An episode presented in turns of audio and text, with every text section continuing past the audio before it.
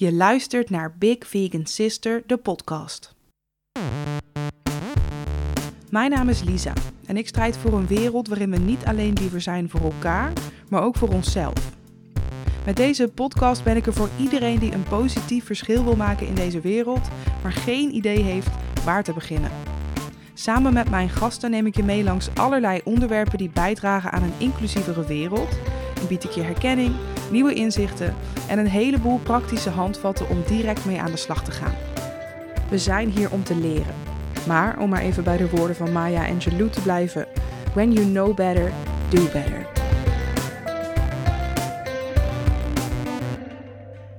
Welkom bij een nieuwe aflevering van Big Vegan Sister, de podcast. Vandaag ga ik in gesprek met Ivo Kouwenhoven. Over leven voor, na en met ziekte. Over jouw weapon of choice vinden en inzetten om de wereld mooier te maken. Over dromen loslaten, bijstellen en hervormen. En misschien nog wel over veel meer. Want heel eerlijk, Ivo doet en is heel veel. Biologisch tuinder, ex-bandlid van een bekende punkrockband, vader van drie kinderen, spreker, blogger, driemaal getroffen door een hersenvliesontsteking, inmiddels weer op de been, veganist, idealist, dromer en vooral doener. En ik ken Ivo al een tijdje, we kennen elkaar uit de punkwereld en zijn do-it-yourself instelling heb ik altijd al enorm bewonderd. Dus Ivo, ik ben super blij dat je vandaag digitaal bij mij wil aanschuiven. Welkom. Ja, dank je Lisa. Super fijn om uh, ja, elkaar zo weer een keer te kunnen spreken. Dus uh, Zeker. been too long. Absoluut. Hey um, Ivo, de vraag die ik aan al mijn gasten stel. Um, hoe gaat het op het moment met jou? Het gaat heel goed. Fysiek en mentaal gaat het, uh, gaat het goed. Um, ik kom nu net toevallig wel uit een periode van, uh, van ziekte. Ik heb zojuist net corona gehad. Oh, echt? ja, oh, ja voor een paar weken oh. terug. Ja. En met mij het hele gezin. Dus we zaten allemaal in de lappenmand. En uh, daar zijn we nog wel een beetje van uh, aan het uh, bijkomen. Um, en ik denk dat we met z'n allen, met de hele wereld natuurlijk, in, in die situatie zitten van hè, dat, dat je het ene moment prima voelt en dat je misschien weinig ergens last van hebt. En dan komt ineens weer binnen, oh ja, dan word je toch weer beperkt. Of door de maatregelen, of dat het emotioneel hard binnenkomt, of wat dan ook. Maar ja, uh, heel kort gaat het dus wel echt heel goed met mij. Uh, ik voel me goed. En uh, ja, ik, ik, ik kan goed met mezelf door één deur. Dat is altijd heel fijn. Met mijn gezin gaat het lekker. dus ja. Dat vind ik fijn om te horen. Cool, fijn. Ja. En um, waar hou jij je op dit moment vooral mee bezig? En dat mag dan zowel op werkgebied zijn als daarbuiten. Nou, eh, kijk, werk is heel makkelijk. Hè, dat kan je meteen afvinken. Ik ben uh, in, uh, in loondienst nu. Ik ben sinds twee maanden ben ik aan de slag bij Scal Biocontrole. En dat is superleuk. Nieuwe uitdaging. Ja, en het staat ook dicht bij mijn idealen. Um, maar ja, waar hou je je mee bezig? Dan ik heb dat nooit alleen maar gebaseerd op, op betaalde arbeid. Um, wat soms lastig is in gesprekken, want mensen stellen dan die vraag: Goh, wat doe je? En dan zie ik na een minuut dat ik aan het praten ben, zie ik zo een beetje gefronste wenkbrauwen. Zo'n hele vage blik van: ja, oh, dat was niet het antwoord uh, dat ik had Ik wil gewoon weten of je, ja, wat je doet voor de kosten, of uh, weet je wel. That's it. En ik kan daar gewoon eigenlijk niet een heel makkelijk antwoord op geven. Maar ik ben vooral bezig ook nu mijn leven weer op te pakken naar wat de afgelopen jaren is gebeurd. En dat ben ik echt dagelijks mee bezig. Ik ben heel veel tijd aan, echt aan mezelf en uh, aan, daarmee met mijn gezin. Daar ben ik heel veel tijd aan te steken. Uh, nog altijd aan het opbouwen. Ja, en dat, dat in de breedste zin van het woord. Ja, ja. Ja, en Um, wat er precies allemaal is gebeurd, wil ik het zo dadelijk nog even met je over hebben. Want sommige mensen die luisteren, die zullen jou misschien kennen. En andere mensen denken, oh, wat, is dit voor een spannende GTST-cliffhanger. Maar, ja, ja. maar um, nee, de reden ook waarom ik vraag, waar hou je je op dit moment mee bezig, is ook omdat ik vind dat er vaak daarin veel te veel waarde wordt gehecht aan wat we dan doen voor een living, zeg maar. Terwijl er zijn ook heel veel mensen die niet kunnen werken, die, of die bijvoorbeeld wel willen werken, maar niet kunnen werken. Sommige mensen die gewoon maar werken doen uh, om andere dingen te kunnen bekostigen, omdat ze andere dingen veel liever doen. En er zijn natuurlijk ook mensen die wel heel erg blij zijn en zich wel ook bijvoorbeeld heel erg identificeren met wat ze doen, uh, al om zeg maar brood op de plank te krijgen. Maar Ehm, ik vind het ook altijd heel erg leuk om te horen wat mensen daarbuiten juist nog doen. Weet je wel, wat, wat drijft jou in het leven? Wat vind je tof om te doen? Waar hou je je graag mee bezig? En... Ja, nou ja, want uh, daarom gaf ik er net ook aan dat dat, dat uh, antwoord wat ik dan geef en mensen misschien een beetje uh, met gefronste blik dan op een gegeven moment kijken of een glazige blik in hun ogen. Um, omdat ik dat precies zo zie. Ik denk dat arbeid veel, veel breder is dan dan inderdaad gewoon maar geld binnenharken. Um, wat prima is als, als dat is wat, je, wat het voor jou betekent. Alleen um, doe je wel een beetje geweld aan, aan eigenlijk de dagelijkse invulling van uh, zoveel mensen. Arbeid vind ik namelijk heel interessant. Uh, met arbeid kan je ook afvragen zo van ja, wat versta je daaronder? Daginvulling of dagbesteding of, of hobby. hè? Um, en is dat dan betaald of, of niet? Of uh, betaald in, uh, in, uh, in, in, in, in, geld of, of op een andere manier? Precies, want dat zegt voor ons ook in, het, in de wereld waarin wij nu leven natuurlijk ook vaak heel veel over hoeveel het waard is. Als je er meer voor wordt betaald, is het dus meer waard voor heel veel mensen. Ja, en ik, want dat kan je ook niet zomaar uh, aan de kant schuiven. Zo van ja, daar ben ik het gewoon niet mee eens, dus dan bestaat het maar niet. Want uh, dat is ook een beetje uh, liegen tegen de situatie zoals die nu eenmaal is. Precies. Um, wat ik wel interessant vind, is om daar ook kritisch naar te blijven kijken. Maar ook hè, voor mezelf. Van, uh, goh, als ik zo meteen mijn bed uitstap. Hè, en uh, ik, ik, ga, maakt niet uit wat ik ga doen. Um, als ik zo meteen weer in mijn bed lig, uh, ben ik dan blij met wat ik heb gedaan. En is dat dan geld verdienen, zodat ik de rekeningen kan betalen en de pianoles van, van mijn kinderen bijvoorbeeld, weet ik veel wat. Of ben ik blij omdat ik plantjes in de grond heb gezet in mijn moestuintje? Of ben ik blij omdat ik basketballes heb gegeven aan een stel kids? Of ben ik blij omdat ik misschien een snelweg heb geblokkeerd om een actie uit te voeren? het zijn allemaal verschillende dingen. En dat zou je in principe allemaal onder arbeid kunnen verstaan. Ja, we hebben gewoon ooit bedacht dat bepaalde dingen wel arbeid zijn en bepaalde dingen niet. Ja, en ik denk want ik weet er niet zo heel veel van, uh, van natuurlijk. Maar ik hou me daar wel bewust mee bezig. En als je dan de vraag gesteld krijgt, zo van, goh, wat, doe je zo in het dagelijks leven? Ja, mijn brein gaat dan wel een beetje in de versnelling. Zo van, oh ja, uh, uh, wat moet ik dan zeggen? Ik breng de kinderen naar school. En ja, ik, ben ook, ik moet ook rusten. Maar ik ben ook lekker aan het schoonmaken in huis. Maar ja, ik heb ook inderdaad betaalde... Ja, ik, ja, misschien denk ik gewoon te veel dan. Nee, nee, helemaal niet. Maar weet je, die, die vraag is ook in, multi-interpreteerbaar. En ik zet hem ook juist zo, zodat iedereen er zijn of haar of hun eigen invulling aan kan geven. En ehm, dat, dat, ook dat zegt vaak veel over een persoon en op, over waar die persoon op dit moment in zijn leven staat. En als je mij die vraag bijvoorbeeld vorig jaar had gesteld, had ik misschien weer hele andere antwoorden gegeven dan, of zelfs vorige week dan dat ik nu op dit moment zou doen. En ja. Ehm, nee, wat ik je wilde vragen, want ik ken jouw verhaal natuurlijk grotendeels. Ik ken je al een tijdje, ik volg je al een tijdje. Maar ik denk dat veel mensen die nu luisteren naar deze podcast jouw verhaal uh, misschien nog niet kennen. Dus zou je ons misschien mee kunnen nemen door een soort uh, mini-reisje door jouw leven? Dus waar ben je ooit begonnen? Waar sta je nu? Wat is er in de tussentijd uh, ja, allemaal gebeurd? Want je gaf net al een beetje een hint naar nou ja, mag je zelf vertellen. Ja, prima. Ik, uh, dan ga ik gewoon ergens beginnen. Uh, ja, wij, kennen elkaar van, van de punkshowtjes uh, in en rondom Arnhem. Ehm, en daar begin ik ook vaak een beetje, als ik uh, begin met mijn reis, dan, of dat uit te leggen, dan is die punkwereld voor mij heel belangrijk geweest. Want ik was als puber ja, ik was gewoon boos op de hele wereld. En uh, ik had het gevoel dat, uh, dat de wereld mij niet begreep en ik begreep de wereld niet.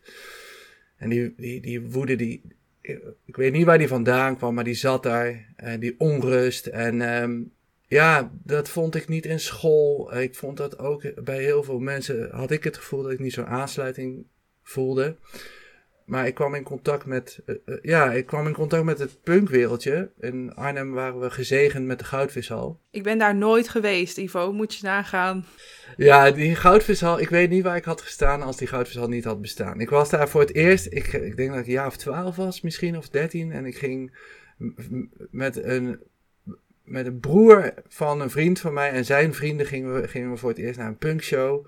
En ik weet nog heel goed, dat was uh, NRA en Seeing Red en Circle of Friends. Twee, drie Nederlandse bandjes op een zondagmiddag matinee show. Ik kwam daar binnen en het was donker en het was best wel druk. En, en, ja, weet je wel, het was echt zo'n zo geur van zweet ja, en ja, bier en, en, en, en sigarettenrook. En, en jij dacht, ik ben thuis? Ja, ik dacht echt zo, wow, oké, dit bestaat gewoon echt. En ik was ook wel een beetje bang. Ik vond het heel spannend. Maar, heel onder de dus indruk. Dus, ja, en zeker bij Seeing Red, ehm, ja, die, er waren oude mannen op het podium. En die waren aan, over dingen aan het praten, heel lang over dingen die ik helemaal niet snapte. Ze waren blijkbaar ook best wel boos. En dan gingen ze daar een liedje over spelen wat heel snel en heel hard was. En dan gingen ze vervolgens weer vijf minuten praten. Heel kort en hard en snel. En ik denk, joh, wat is dit? Maar ja, op de een of andere manier was mijn hart gestolen. Dus nou, die punkwereld was echt heel belangrijk voor mij. Want die, die woede, die, die kon ik daarin kwijt. Ik kon mijn onrust daarin kwijt. Ik had het gevoel dat ik niet alleen stond. En naarmate ik vaker naar showtjes ging, zag ik ook, uh, kwam ik ook in aanraking met een beetje de idealen die daar omheen hingen. Dus er stonden vaak steentjes van over dierenrechten, uh, over antifascisme, hè, over feminisme, anarchisme. En ja, dat was voor mij een, een, nieuwe wereld, maar ik was daar heel hongerig naar. En het, het, ja, ik voelde me daarin thuis. Dus zowel in die muziek als in die idealen. Zo ben ik eigenlijk uh, met mijn idealen in, in aanraking gekomen. Maar tegelijkertijd was ik, ja, was ik ook gewoon een puber. En was het voorval dat ik in 1998 kreeg ik een vrij zwaar ongeluk. En ja, toen heb ik een paar dagen in coma gelegen. En er is een ongeluk. Ik weet niet wat er precies is gebeurd, want dat kan ik me niet meer herinneren. Maar wat ik wel weet is dat, uh, dat ik wakker werd in het ziekenhuis. En uh, ik had een grote scheur in mijn schedel. En die zorgde ervoor dat, ja, dat het een vrij kritieke situatie was. Het was echt een ernstig ongeluk.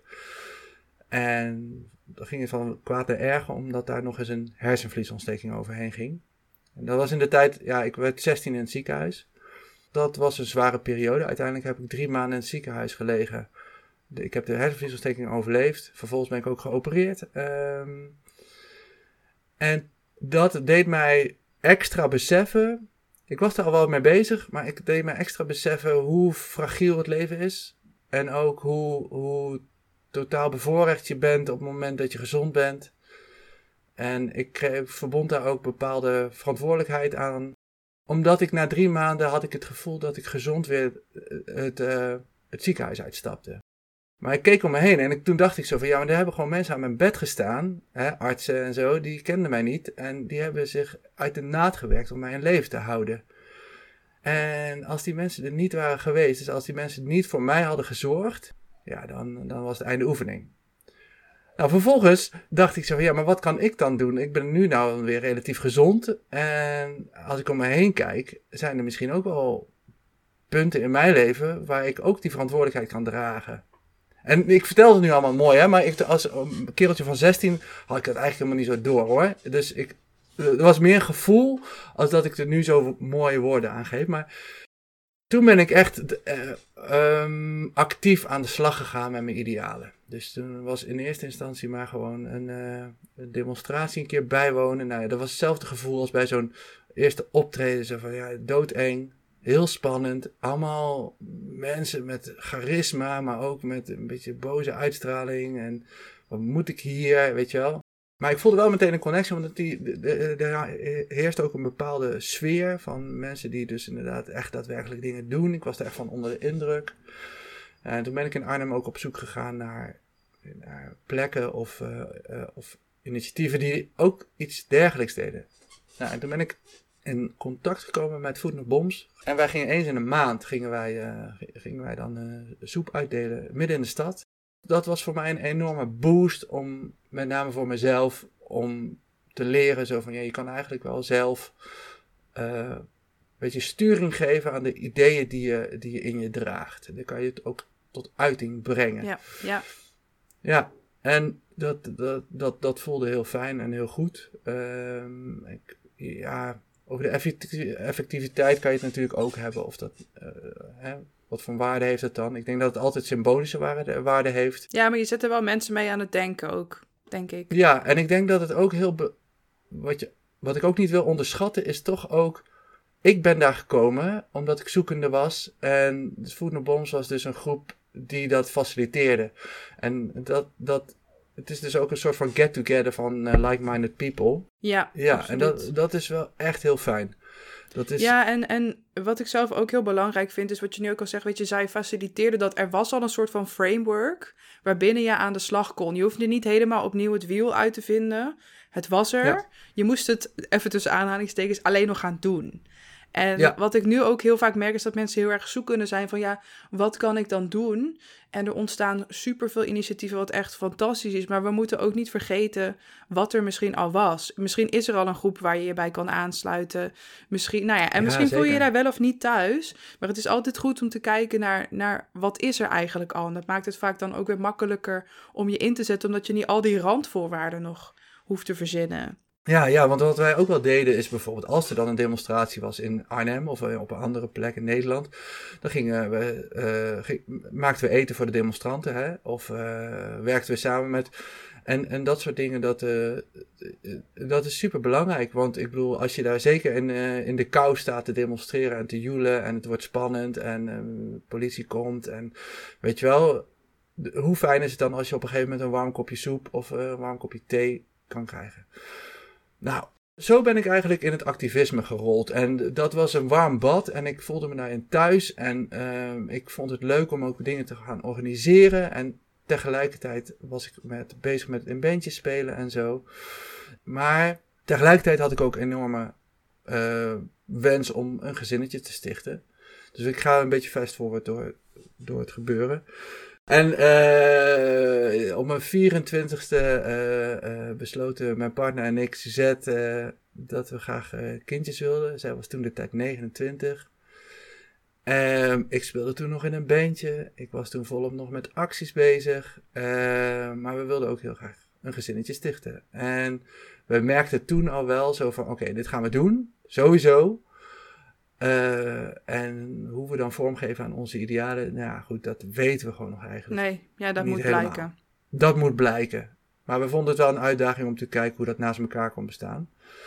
En uh, toen kreeg mijn leven wel een beetje een andere lading ook, omdat ik in het activisme, hoe constructief het Food Bombs ook, ook klinkt, het is wel tegen van alles. En um, dat snap ik heel goed. En dat, daar stond ik, sta ik nog altijd volledig achter. Alleen in de kern durf ik wel te zeggen dat ik. Ik denk dat ik best wel een optimistisch persoon ben. Echt op het naïeve af. Dus zo overal tegen dat, die woede en zo, die ik dus altijd voelde en nog steeds voel overigens.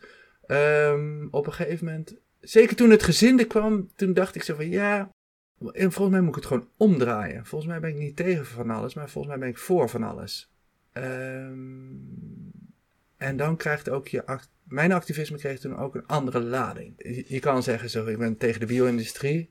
Maar je kan ook zeggen, ik ben er gewoon voor dat alle dieren vrij zijn. Punt. En ik merkte dat ik daar in, eh, in die periode van, van mijn leven. toen kon ik daar ook meer mee. Omdat het vechten tegen van alles, ja, daar hoef ik de luisteraars misschien echt niet uit te leggen. Dat kost onwijs veel energie. En wat zijn je overwinningen? Hè? Nou ja, die zijn veelal heel marginaal. En dan moet je uit de kleinste dingen moet je dan je energie putten. Zo is hoe ik het heb ervaren. Hè? Ja. Toen dacht ik, ja, maar als ik nou iets echt een alternatief ga opbouwen. Ik, ik had geen idee hoe of wat. Dat was allemaal nog heel vaag. Maar dat gevoel was er. Ik dacht, ik wil eigenlijk gewoon constructief, op een constructieve manier, een alternatief opbouwen en vanuit daaruit laten zien dat het ook anders kan. Dus ik dacht, ja, hoe ga ik dat dan doen? Ik, heb, ik had echt geen idee. Maar die biologische, ja, door, ik, was in die tijd was ik vegetariër geworden, later veganist. En ik was veel in de, in de natuurwinkel geweest. En die biologische sector, dat trok me heel erg. Ik zag daar heel veel daadkracht. Mensen die echt ja, dag in dag uit bezig waren met hun idealen. Maar er waren ook winkeltjes, uh, onafhankelijk. Uh, Mensen zetten echt alternatieven op. En dat vond ik zo inspirerend. Do it yourself ook weer heel Ja, erg daarin. Ja, echt. Ja, en dat waren gewoon. Ja, ik ging op, op een gegeven moment op zaterdag. Ging ik iedere zaterdag naar de markt toe. En daar waren mensen. Eh, waarbij ik mijn groenten kocht. En dat waren Roel en Reni. Die ik van Food Not Bombs kende. Van jaren geleden. Hè? En die zei: Ja, we hebben gewoon onze eigen biologische tuinderij. Ik zo: Wat? Huh? Want ik was een stadsjongen. Ik was gewoon zo'n cityboy. Ik wist. Ik dacht: Ja.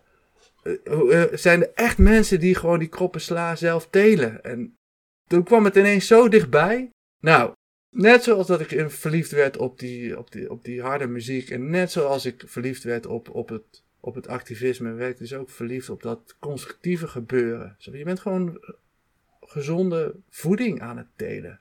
Ik dacht, dat moet ik gaan doen. Maar toen was het nog steeds niks. Dus toen ben ik eerst met een moestuintje begonnen. Later ben ik eh, in, in, de, in de biologische landbouw gerold. En toen ik dat ben gaan doen, toen dacht ik, ja, ik, eh, ik wil dit voor Dit mezelf. is het. Dit is het, ja. Eh, en ik had, ik want eh, activisme betaalt helemaal niks natuurlijk. Dus eh, Daar kan ik ook middendag- inderdaad. we, hebben, we hadden, ja, Suzette en ik hadden inmiddels wat, wel drie kinderen. En ik dacht zo van, ja, ik wil een eigen bedrijf, een eigen biologische tuinderij. En, maar hoe dan, met welk geld en welke middelen en... Maar ja, ondertussen, ik had wel de ervaring van, van activisme. We hadden echt vrij grote acties gedaan. En ook met weinig middelen en weinig... Ja, ja ik, niet eens zozeer weinig middelen, maar je bent gewoon heel... Je, je Ja, je leert bent jezelf heel erg creatief met- te denken. ja. Ja. Dus ik dacht, joh, ik ga het gewoon proberen. En eh, we zien wel waar het schip strandt. En dan heb ik het in ieder geval geprobeerd. Nou, en in 2016 was jij bij, onder andere bij de opening met Taarten van Jansen. Want eh, toen verhuisden we naar Rossum om een eh, biologische tuinderij eh, over te nemen. En eh, ja, dat was fantastisch. Toen zijn we eh, hard aan de slag gegaan om eh, biologische groenten te telen. Helemaal met plantaardige input ook, dus geen dierlijke bemesting. En ja, dat, eh, ja, er ging heel veel mis natuurlijk. Er ging, ik, het is te rooskleurig om. Nee, het is te mooi om te zeggen van. eh, het, ging fantastisch vanaf Ja, maar dat moment, krijg je als je dingen from scratch gaat opbouwen. Ja, dan kom je eerst precies. alle tussen aanhalingstekens eh, kinderziektes tegen. En wat ik zelf heb gemerkt, kijk, ik heb natuurlijk geen biologische tuinderij gehad. Maar ehm, ik heb wel gewoon verschillende bedrijven uit het niets eigenlijk opgebouwd. En Taarten van Jansen was er daar ook een van. En iedere, ja, iedere keer leer je gewoon door het te doen. Dat is ook hoe ik altijd leer. En ik, ik kan me voorstellen dat het bij jou misschien ook is. Gewoon leren door te doen. En dan kom je jezelf misschien een keer heel hard tegen. Dan ga je op je bek. Maar dan maak je die fout ook niet weer. En later maak je weer een Nee. keer een andere fout. En dan leer je daar weer van. Maar het heeft wel ja. wat. En ik, eh, dit is echt nooit iets aankomen waaien bij mij. Ik heb echt, eh, ik moet gewoon hard werken om, om bepaalde. Ik heb niet hele bijzondere talenten of wat dan ook. Dus ik moet gewoon heel hard werken om ergens te komen. En het enige wat ik heb is eh, doorzettingsvermogen. En ehm, ik leer wel snel, denk ik, dat wel. Ehm, maar fouten maken, wat je er net aangaf. Ik ben echt heel goed in de keer op keer dezelfde fouten te maken. En het duurt, ik heb zelf het gevoel dat dat vrij lang duurt voordat ik tot een inzicht kom. Ieder geval, volgens mij moet je het anders doen. Ehm, maar dat maakt niet uit, want die fouten, dat is allemaal onderdeel van het proces. Je gaat, het zijn kinderziektes, maar ook als je tien jaar bezig bent met een podcast of tien jaar bezig bent met een tuinderij, gaan nog steeds Dat is ook zo. Weet je, soms mis. zie je dingen ook niet meer. Omdat je er al te lang mee bezig bent op dezelfde manier. Je- ja, En dan, denk- dan, dan wijst vlekken. iemand... Ja, ja. Precies, en dan wijst iemand je erop en dan denk je, ja, waarom doe ik dat eigenlijk zo? Ik weet het Ja. niet. Ja, ja, precies. En ja, volgens mij is dat, ik denk dat het wel heel gezond is. Nou, wat ik probeer in ieder geval is daar altijd open voor te blijven staan. En dat, en ik zeg heel duidelijk ook, ik probeer, want zelfs dat lukt ook niet altijd. Maar ik probeer me daarin wel scherp te houden. Nou, toen was het 2016 en toen hadden we gewoon, ja, onze eigen tuinderij. En eh, het ging wel echt als een speer met... Ja, hoe voelde met- dat met op dat moment? Ja. Want ik, ik, ik onderbreek je nu, maar hoe voelde dat op dat moment toen je die tuinderij echt had? Toen je voor de eerste keer daar zo jouw eigen land opliep en jouw eigen tuinderij, waar je gewoon echt jaren naartoe had gewerkt. Hoe voelde dat? Ja, paniek. uh, ja, uh, ik dacht wel, ik heb echt vaak uh, een beetje gevoel van paniek. Ik ben namelijk altijd onzeker over wat ik doe. Ik twijfel altijd bij iedere stap die ik zet. En het, de enige remedie daartegen is om gewoon een knoop door te hakken. Um, maar dat neemt niet weg dat die twijfel en angst en paniek er nog, die is er nog steeds.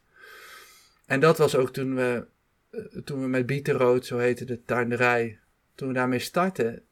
We hadden namelijk niet een, een blauwdruk van dit is precies wat we gaan doen. We wisten wel heel duidelijk, on, ja, ongeveer heel duidelijk, dat klinkt gek, maar we hadden wel een bepaalde visie van daar gaan we naartoe. En dat maakte ook dat sommige keuzes heel duidelijk waren. We wilden biologisch gecertificeerd. Nou ja, dan weet je al dat je heel veel dingen wel doet en heel veel dingen niet doet. We wilden met plantaardig bemesting. Nou ja, dat geeft ook heel duidelijk aan welke kant je op gaat. Je wil, we wilden ook heel duidelijk directe afzet. Dus als we de sla gingen snijden, dat het een, een dag later max bij de consument op de keukentafel zou liggen. Nou ja, dat, dat geeft ook al aan hoe je dan gaat werken. Weet je wel? Maar ook heel veel dingen wisten we helemaal niet. Een, hoe, hoe de boekhouding precies ging zijn, geen idee. Ik had, ik had nul ervaring met bijvoorbeeld het land ploegen. Weet je, allemaal van die praktische dingen. We wisten het niet. Dus daarin ontstaat dan ook een beetje de, de paniek. Maar ja,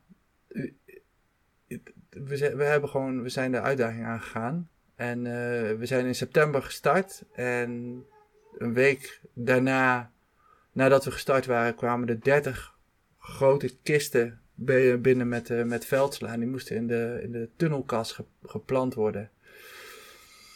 En uh, dan, dan moet je gewoon gaan. Dat, dan, uh, dan het is niet echt tijd om na te denken, je moet dat gewoon doen.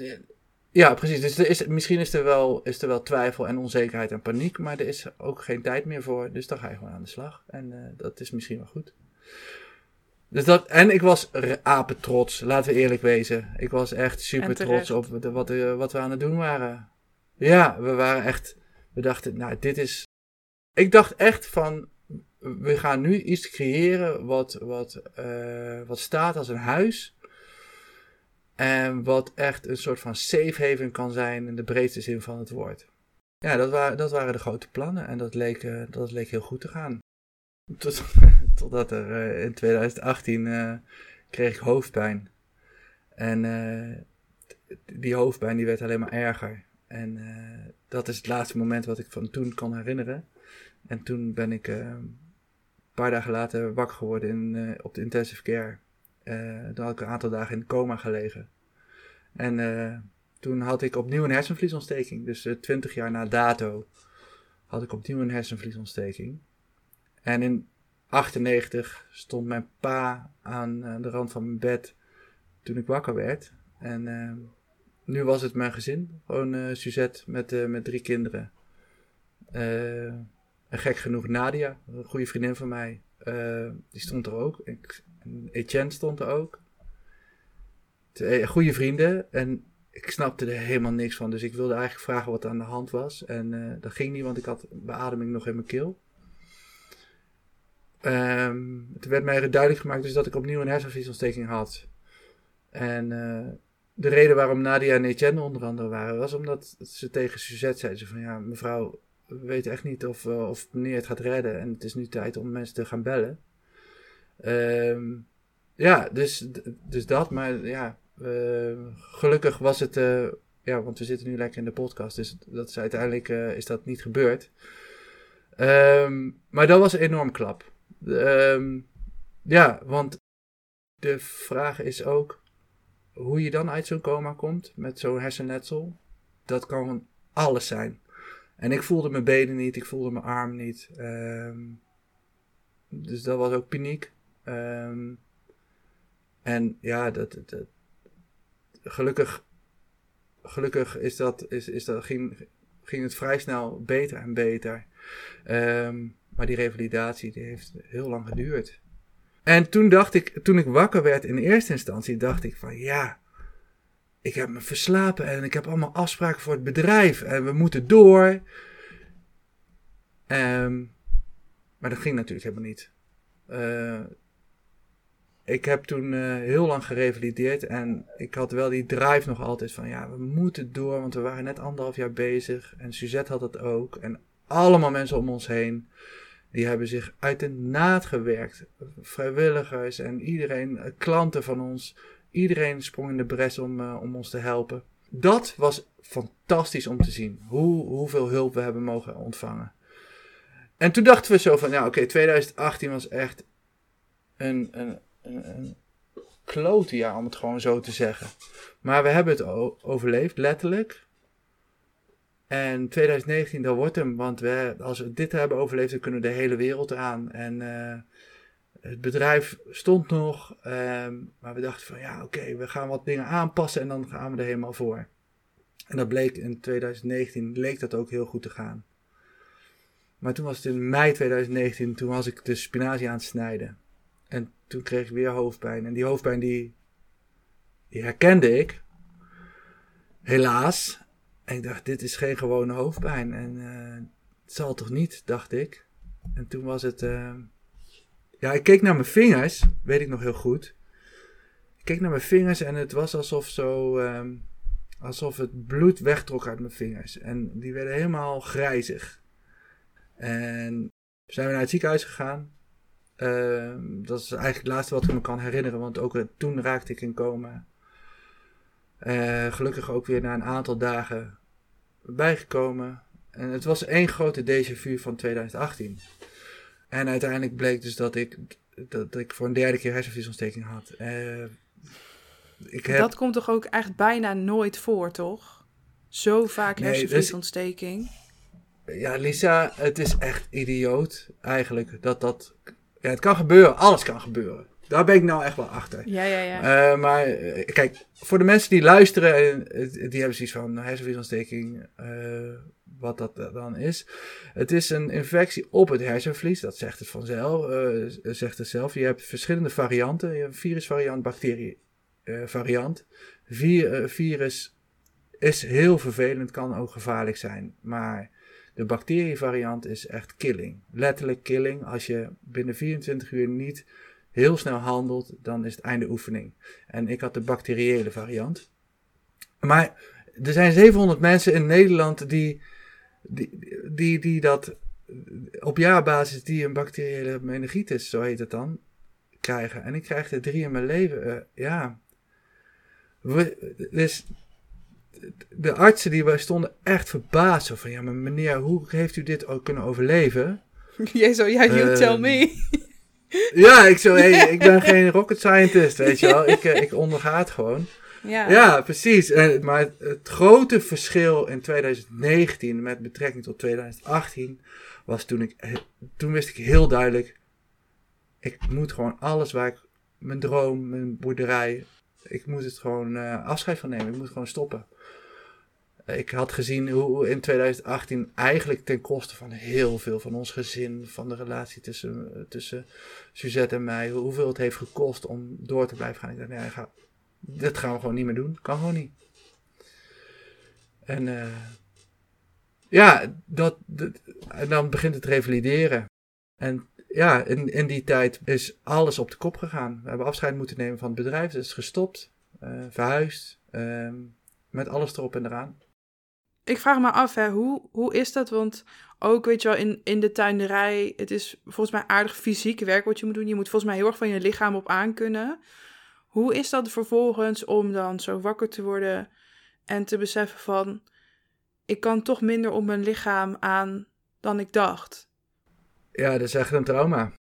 Eh, want ik praat er nu over, dus als we eigenlijk de periode tussen 2019 en nu pakken, um, ben ik totaal door de mangel gegaan. Maar dan bedoel ik ook eigenlijk op, op heel veel fronten waarvan ik dacht dat ik wel wist hoe het zat.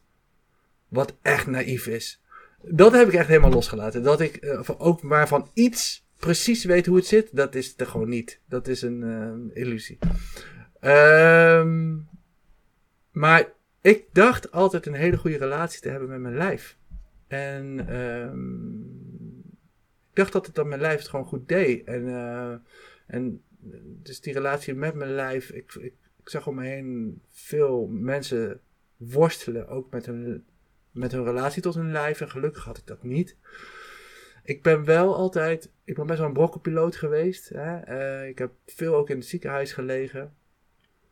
Um, dus ik wist wel hoe het was om niet helemaal fysiek gezond te zijn. Maar ik kon dat mentaal altijd wel, wel plaatsen. En dat kon ik op een gegeven moment in 2019 niet meer. Helemaal in het begin kon ik helemaal, helemaal niks. Ik kon ook mijn voeten niet bewegen. Dan moest helemaal weer opnieuw moest ik dat aanleren. Um,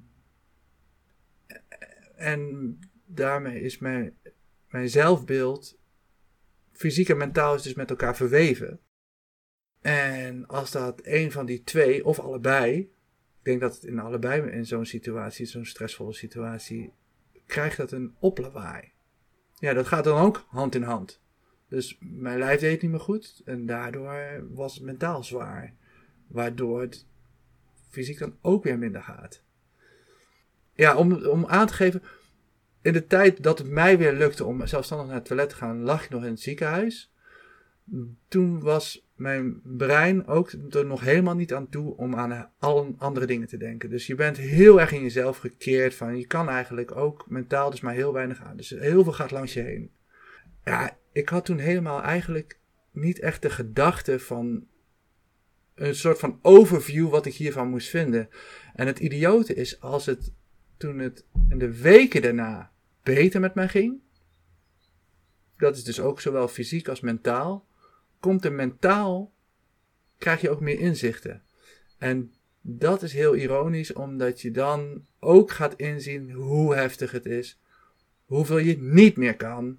Eigenlijk wil ik je ook dit nog wel vragen, want je ziet ook heel vaak dat als ehm, we praten over bijvoorbeeld mensen die ziekte hebben overleefd, dat dat voor anderen dan als zo'n soort inspiratiebron wordt gebruikt van, oh, want je bent zo ongelooflijk krachtig en jij hebt dat voor elkaar gekregen. Um, dus het eigenlijk een beetje die, die inspiration porn, dat het zo wordt gebruikt van, wow, kijk wat hij kan, ondanks bla bla bla bla bla. Is dat iets wat je zelf ook merkt? Ja, zeker. Hoe, voelt dat voor jou? Ehm, ja, dat is dubbel. Ja, dat, ja dat, dat is echt heel dubbel. Want ik geef ook lezingen. En ik geef, ik, ik geef ook sessies waarin ik onder andere het hierover heb. En ik worstel daar ontzettend mee. Omdat enerzijds wat jij aangeeft van ja, mensen zien het als inspiratie en geweldig. Als ik dan mijn verhaal heb verteld, dan is het vaak stil daarna en mensen zitten in tranen. En ergens vind ik dat ook mooi. Maar ik kan nooit. Het lukt mij nooit om over te brengen wat ik voel. En dat heb ik moeten om. Ik moet dat omarmen van ik ga dat nooit voor elkaar krijgen. Omdat die mensen die daar zitten. Over twee weken praat ik weer met coaches die mensen met niet aangeboren hersenletsel begeleiden. Dat zijn altijd hele inspirerende sessies. Mensen leren daar ook heel veel van. Ik leer er zelf ook heel veel van. En wat ik ook vaak aangeef is probeer niet in de huid van die ander te kruipen. Omdat dat niet meer gaat. Dat gaat niet lukken. En dat maakt het ook eenzaam soms. Omdat ik daar sta en dan ben ik mijn verhaal aan het doen. En dan mensen zeggen ze van wow, zijn geïnspireerd of ontroerd of noem het maar. Maar eigenlijk heb ik dan nog de behoefte om te zeggen: ja, maar je ziet niet dat ik s'avonds in mijn bed lig. Of uh, dat, ik, dat ik mijn kinderen eh, niet naar school had kunnen brengen. Of dat, ik, dat we financieel totaal, weet je wel, uh, onderaan hebben gezeten. Um, dat wil je allemaal overbrengen, maar dat lukt helemaal niet. Nee, en dan is het misschien ook nog een verschil of dat je praat met mensen die ook ziekte op die manier kennen. Of mensen die um, ziekte vooral vanuit het medisch perspectief bekijken van oké, je bent ziek, doktoren gaan je behandelen, je wordt beter, je hebt het tussen aanhalingstekens overwonnen. Terwijl heel veel mensen die bijvoorbeeld ook ziek zijn, of, of dat het nou is dat ze ook bijvoorbeeld niet aangeboren hersenletsel hebben, of dat ze gewoon niet ziek zijn of op een andere manier disabled, die weten dat het leven niet altijd zo werkt. ik denk dat er altijd een aspect onderbelicht blijft. En uh, als je daar überhaupt al woorden aan kan geven. Um, en, en, en dat, is, dat is lastig. Ik heb het er wel eens met mijn vader over. Mijn moeder is vroeg overleden. Hè? Die, uh, toen zij 36 was, is zij uh, ziek geworden en drie maanden later overleed ze. Um, en mijn vader bleef achter met twee jonge kinderen. Mijn vader zei heel mooi: als ik huilde na een half jaar na het overlijden van Carla, zo heette mijn moeder. Als ik huilde na het, een half jaar, zeiden mensen: Jeetje, hij huilt nog steeds, het is een half jaar geleden. En ah, natuurlijk achter de rug om, hè. En als hij lachte. Ja, oh. Na een half het jaar. Is pas een half jaar geleden. Jeetje, het is pas een half jaar geleden. En hij lacht alweer. Oh, wat erg. Um, en dat voel je. Um, Ja. Dus ik probeerde. Ik, ik, ik was ook dankbaar dat mijn vader dat soort dingen deelde met mij op een gegeven moment. Want uh, dat heeft mij heel erg in dit proces ook geholpen. Van echt revalidatie en je eigen struggles. Je doet het echt op je eigen manier. Want je hebt echt, zeker als je in zo'n, in zo'n ziekenhuisbed ligt, er is echt niemand, niemand doet het namelijk voor je. Je moet zelf die ene ademteug naar die ander, moet jij voor elkaar zien te krijgen. That's it. Meer bestaat er op dat moment niet. En hoe cares wat ze van Instagram ervan vinden, of je buren, of ouders bij school of uh, je medeklasgenoten. Uh, valt allemaal weg. Dus in die zin is het dan ook wel weer simpel. Ja, want wat ik, wat ik straks dus wilde zeggen, um, voordat we het hierover gingen hebben, is dat ik me afvroeg of, of jij dat ook herkent. Want ik heb dus het gevoel alsof er, alsof, ik, kijk, ik ben mijn hele leven lang ben ik al Lisa en ergens voel ik me de hele tijd ook dezelfde persoon.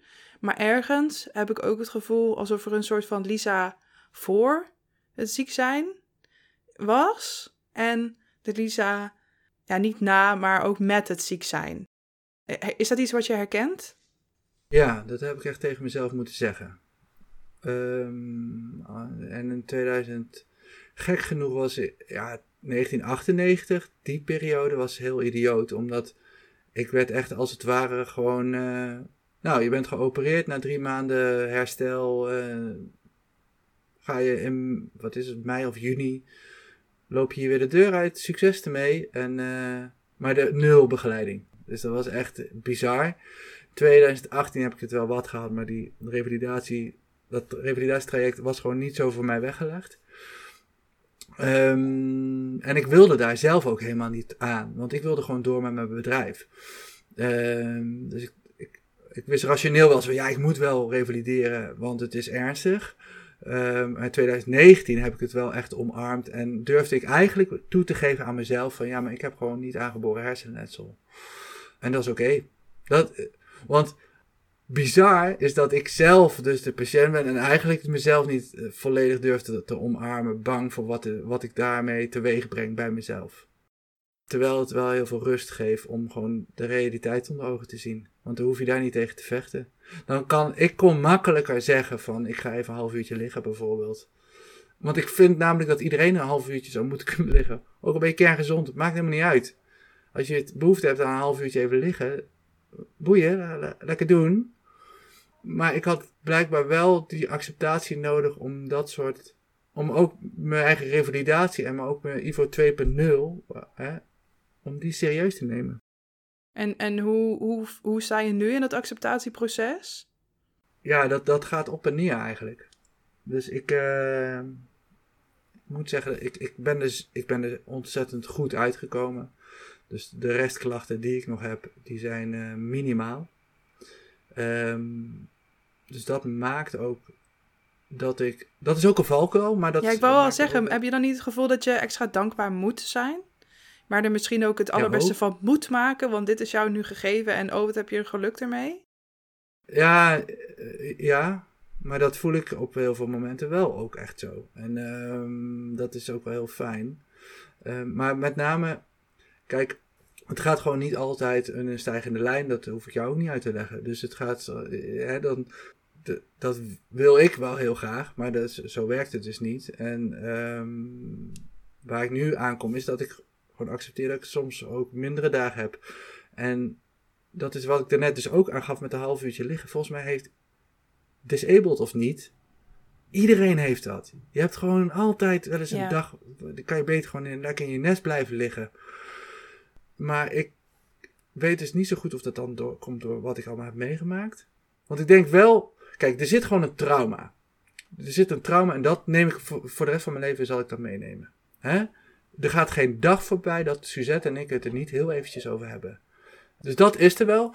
Alleen ik merk dat ik, als ik het heb over, over herstel, dat is dus ook niet alleen maar in een stijgende of dalende lijn. Dus soms gaat het heel goed.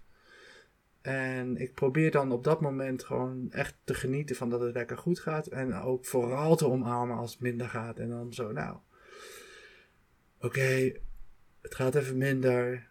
Maar dit gaat ook weer voorbij. Ehm, en als het niet voorbij gaat, nou, we gewoon het beste ervan maken. Weet je wel. Dat is hoe ik ermee om probeer te gaan.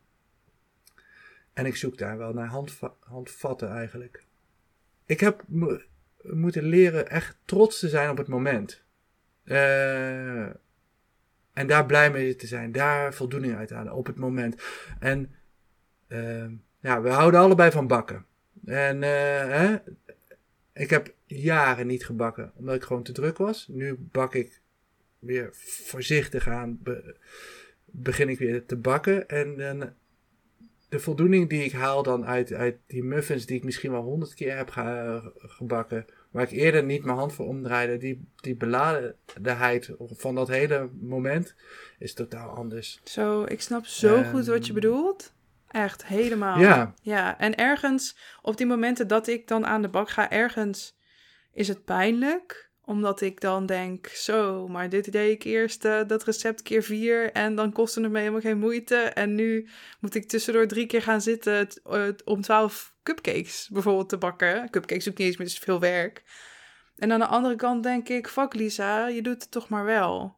En dan ben ik wel heel trots op mezelf. En, maar ik ben wel altijd ook heel bewust wat ik daar dan vervolgens over deel. Want ik, ik, ik ben dan altijd een beetje. Kijk, ergens maakt het me niet zoveel uit wat mensen over me denken op heel veel vlakken. En ergens ook heel erg wel. Omdat ik dan bang ben dat mensen dingen van me gaan verwachten die ik niet kan waarmaken. Omdat zij een bepaalde perceptie hebben van: oh ja, als je bakt, dan gaat het heel goed met je.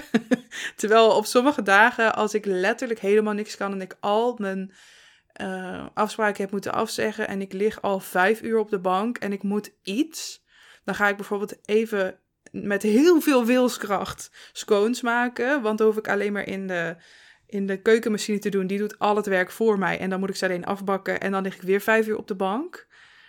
Dat is dan een soort copingmechanisme voor mij. Terwijl mensen, net als dat vroeger, was ik echt, ik ben heel lang echt zwaar depressief geweest.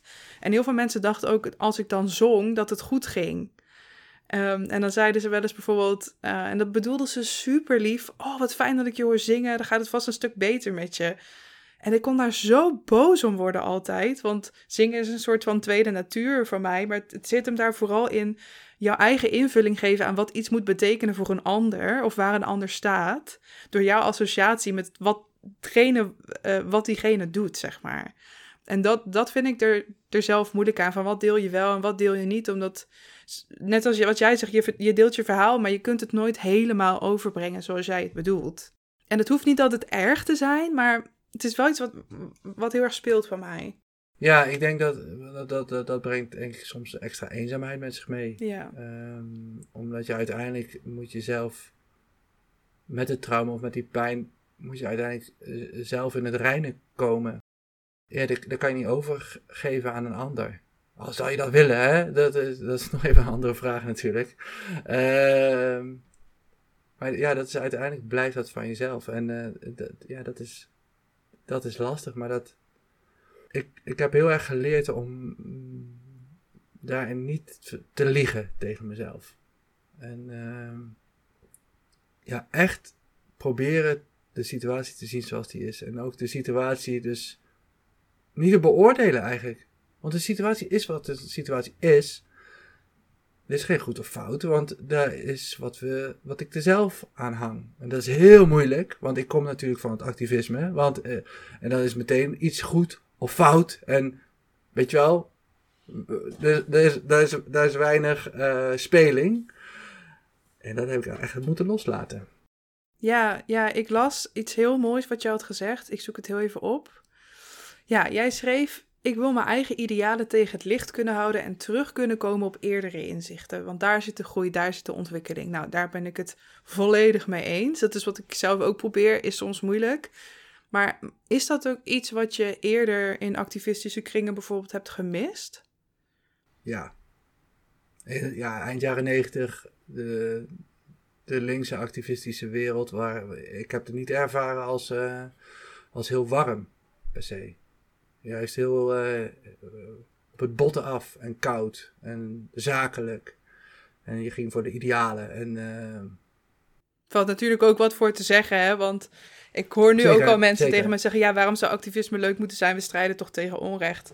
En dat is ook zo. Maar ik, ik herken uh, wel een beetje wat je zegt. Niet dat ik er in eind jaren negentig bij was, maar ik bedoel bij het, het, uh, het mogen bijstellen van, je, van wat je denkt. Ik denk dat dat, dat mag helemaal. Maar dat, kijk, die instelling, uh, vergeet niet dat dat ook consequenties heeft. Dus als jij je op die manier opstelt als beweging, um, ja, dan kan je afvragen hoe open je bent dan voor, voor nieuwe mensen. Dus dat hoeft niet erg te zijn. Want zeker als je. Eh, stel je hebt het over directe actie en dingen die zijn. Van de wet mag dat niet helemaal of helemaal niet. Uh, dan kan het heel uh, fijn zijn als zo min mogelijk mensen ervan af weten, natuurlijk. Dus dan, dan moet je ook heel hard zijn in, in met wie je samenwerkt, wat je precies gaat doen. Je moet op elkaar kunnen vertrouwen, et cetera. Nou, dan is in dat geval is een open houding is, is niet aan de orde. Want dat is je doel helemaal niet. Je doel is om die directe actie uit te voeren. Maar als je meer een maatschappelijke organisatie bent, of je wilt juist heel erg open zijn, nou, dan kan je afvragen of zo'n starre houding uh, op zijn plek is. En, volgens mij wordt daar heel erg gehusseld. Uh, dat, dat, sommige, dat sommige directe actiegroepen eigenlijk heel sociaal willen zijn en uh, heel mild. En maar dan denk ik, ja, dit is niet echt helemaal de plek. Want dan gaat hard tegen hard. Terwijl andere organisaties die pretenderen misschien heel warm te zijn, maar zijn verre van welcoming. Hè? Ja, dat is. Ik, ik schreef daar ook over in mijn boek. Ik um, was ook al heel vroeg heel erg geïnteresseerd in linkse politiek en sociale rechtvaardigheid en feminisme. En ik zocht heel erg naar gelijkgestemden, zeg maar eh, fysiek. Dus niet alleen online, maar ook offline. En er waren gewoon heel veel plekken waar ik me echt niet welkom voelde. En dat heeft ongetwijfeld ook een deel bij mij gelegen hoor. Waarbij ik heel erg het gevoel had alsof je al helemaal zeg maar, activistisch af moest zijn als je binnenkwam. En dan moest je dus een soort ballotagecommissie. Die gingen dan kijken, weet je wel, ben jij links genoeg? Ben jij antifascistisch genoeg? Mag jij hierbij horen? En het grappige is, want uh, een, een project wat jij zelf ook hebt gedaan, is natuurlijk de Malle Moeren. En dat, daarmee maakten jullie natuurlijk vet lekker vegan eten. Volgens mij ook van eten dat anders weggegooid zou worden, of niet? Nee, we, nee dat uh, kochten we. Nee, dat kochten we wel helemaal in omdat we wilden dat het uh, eh, 100% bio was. Ja, dus dat, dat was het. Ja, ja. ja. ja dat was superleuk. Dat was in Arnhem. En dat is de eerste plek waar ik me echt welkom voelde. En dat is, ik heb, ik, ik heb ook sinds die tijd gewoon zo'n bewondering voor jou dat jij echt mensen met open armen daarin ontvangt. En ik was toen op dat moment zelf nog geen veganist, maar de Mallemoeren heeft er voor mij ook heel erg voor gezorgd dat ik uiteindelijk ook veganist ben geworden. Ik stond er al heel erg voor open. En ik kwam daar en ik dacht, wow, heb ik dan nu echt eindelijk, weet je wel, mijn mensen gevonden? En dat is voor mij ook echt zo'n soort katalysator geweest om om door te pakken en om ook echt mijn eigen dingen te gaan doen. Dat wou ik je nog even meegeven. Het was een mooie tijd, de Mallemoeren.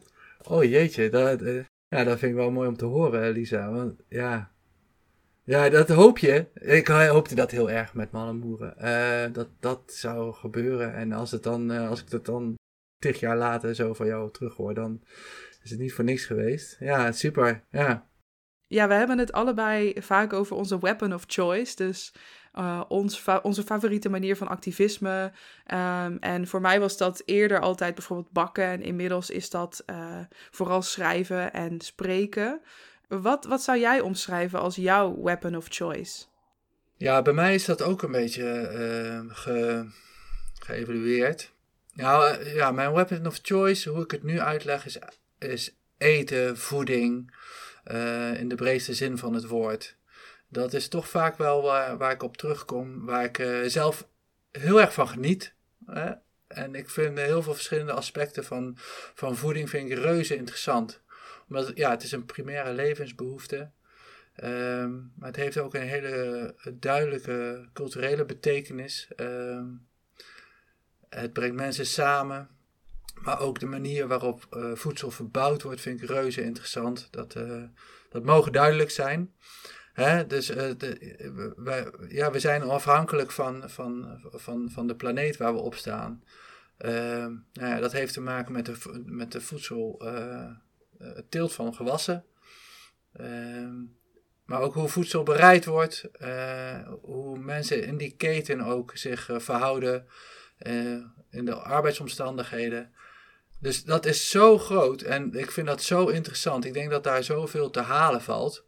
Um, dus eh, ik geef dat vaak aan als mijn weapon of choice. En als je meer inzoomt, dan zie ik, als ik even terugkijk naar hoe ik in het activisme heb gestaan, was het eerder was het veel meer een directere vorm. Hè, echt op de barricades. Um, en nu, nu, zou nu vind ik het best wel moeilijk om mezelf echt te omschrijven als activist hoor. Um, omdat ik ja, een dagelijkse levensinvulling, dat is wat ik doe. Um, maar dan, als ik dan een stap terug doe, dan zie ik nog steeds wel veel activistisch kenmerken. Maar voor mij is het gewoon meer ingebed in, in hoe ik leef. Maar dat voeding en, en eten is zo belangrijk geweest, omdat ik zag daar zo snel al in, net als met dat Food No Bombs waar we het over hadden. Um, het brengt mensen samen. Net als wat sport en spel ook mensen samen kan brengen. Ehm, dingen komen te vervallen als mensen aan tafel gaan zitten met elkaar. Er komen gesprekken op gang. Hè? Uh, sommige mensen die, die, die, uh, die zoeken het contact met elkaar. Andere mensen zitten gewoon rustig hun eigen uh, maaltijd te nuttigen. Dus dat, dat is zo krachtig. Ja, dat vind ik heel mooi eraan als laatste vraag. Stel, er, er luisteren nu mensen en die denken van... ik wil me eigenlijk ook wel graag een beetje activisme verwerken in mijn dagelijks leven... maar ik heb moeite met het vinden van mijn eigen weapon of choice. Heb je dan misschien een tip voor ze? Blijf bij jezelf. En, en combineer jouw, jouw passie en jouw vreugde en jouw uh, gedrevenheid en jouw talenten. Combineer dat met, met een stapje zetten in de, in de, in de richting van een betere wereld. En dat zeg ik omdat die betere wereld gaat er morgen niet komen. Dat kan ik je op een blaadje geven. En volgende week hoogstwaarschijnlijk ook niet. Dus dat is waarschijnlijk gaat dat, uh, is, is dat iets voor de long run. Maar wat wel heel belangrijk is, is dat iedereen dat, die dat voelt, die zou ik uitnodigen om uh, mee te doen. En uh, samen daaraan te werken. En daarin hebben we dus alle talenten nodig hou het klein en, en die stappen die je moet zetten, uh, hou het echt bij jezelf. Want uh, ik ben ervan overtuigd dat zoveel mensen angstig worden van de labels die, die, die we gebruiken. Uh, en zo angstig zijn om het fout te doen. Ja, precies. Zo van, ik ben, ik, ik ben niet goed genoeg om een activist te zijn, dus noem ik mezelf maar niet zo. Doe ik maar helemaal niks daarin uit angst om het verkeerd te doen. Terwijl we hebben iedereen zo hard nodig. En wat boeit het of je jezelf een activist noemt of niet? Ja, ja exact. En dat is uh, uh, precies wat je zegt. Zo van, het gaat er uiteindelijk om dat we met z'n allen een stap in de, in de goede richting proberen te zetten. En volgens mij is, is het, het kenmerk van een revolutionaire beweging. Dat je eigenlijk niet zo goed weet hoe het moet en ook niet zo goed weet waar je uiteindelijk uit gaat komen. Maar dat je voelt dat het moet. Precies. En, uh, je weet waarom je het doet en dat heb je als innerlijk ja, bedrijf. Ja, ja, en ik ben er ook van overtuigd dat daarin dus ook de, uh, een, een, beweging gewoon mooi en diver, uh, mooi divers kan zijn. Als we dat meer loslaten. en dat is lastig, want je bent aan de ene zijde ben je natuurlijk kritisch. Ik ben dat ook. Um, maar tegelijkertijd uh, wil ik ook graag open blijven staan voor nieuwe inzichten. En dat wil wel eens botsen met elkaar. Dus als mensen daar echt een tip in willen, uh, uh, begin klein. En ook hè, zet, al je, zet al je talenten in waar je, waar je goed bij voelt. Want dat hou je ook het langste vol. Volledig met je eens, Ivo. Ik heb volgens mij letterlijk die zin ook zo in mijn boek staan. Dus moet je nagaan hoeveel we daarin overeenkomen. Heel erg tof. Ja, oh, Ivo, Ik, uh, ik wil je echt enorm bedanken dat je te gast wilde zijn in de podcast. Ik vond het super leuk om met je in gesprek te gaan. Dus uh, mega bedankt daarvoor. Ja, my pleasure, zeker. En ja, ik heb het idee dat we, we kunnen wel uren doorkletsen, Lisa. We zouden volgens mij nog wel vijf afleveringen op kunnen nemen. Dus wie weet zien jullie Ivo of horen jullie Ivo nog wel eens terug. Hey, um, hoe, hoe kunnen mensen jou vinden op het internet? Ja, ik heb uh, uh, Bieterrood.nl, dat is, Bieterrood was de naam van ons bedrijf. Uh, die site heb ik nog aangehouden. Dus gewoon bieterrood.nl en daar kan, ook, kan je mijn blogs vinden. als mensen daar contact met mij willen, gaat het ook gewoon via die site of LinkedIn ben ik ook te vinden voor meer ja, zakelijke dingen.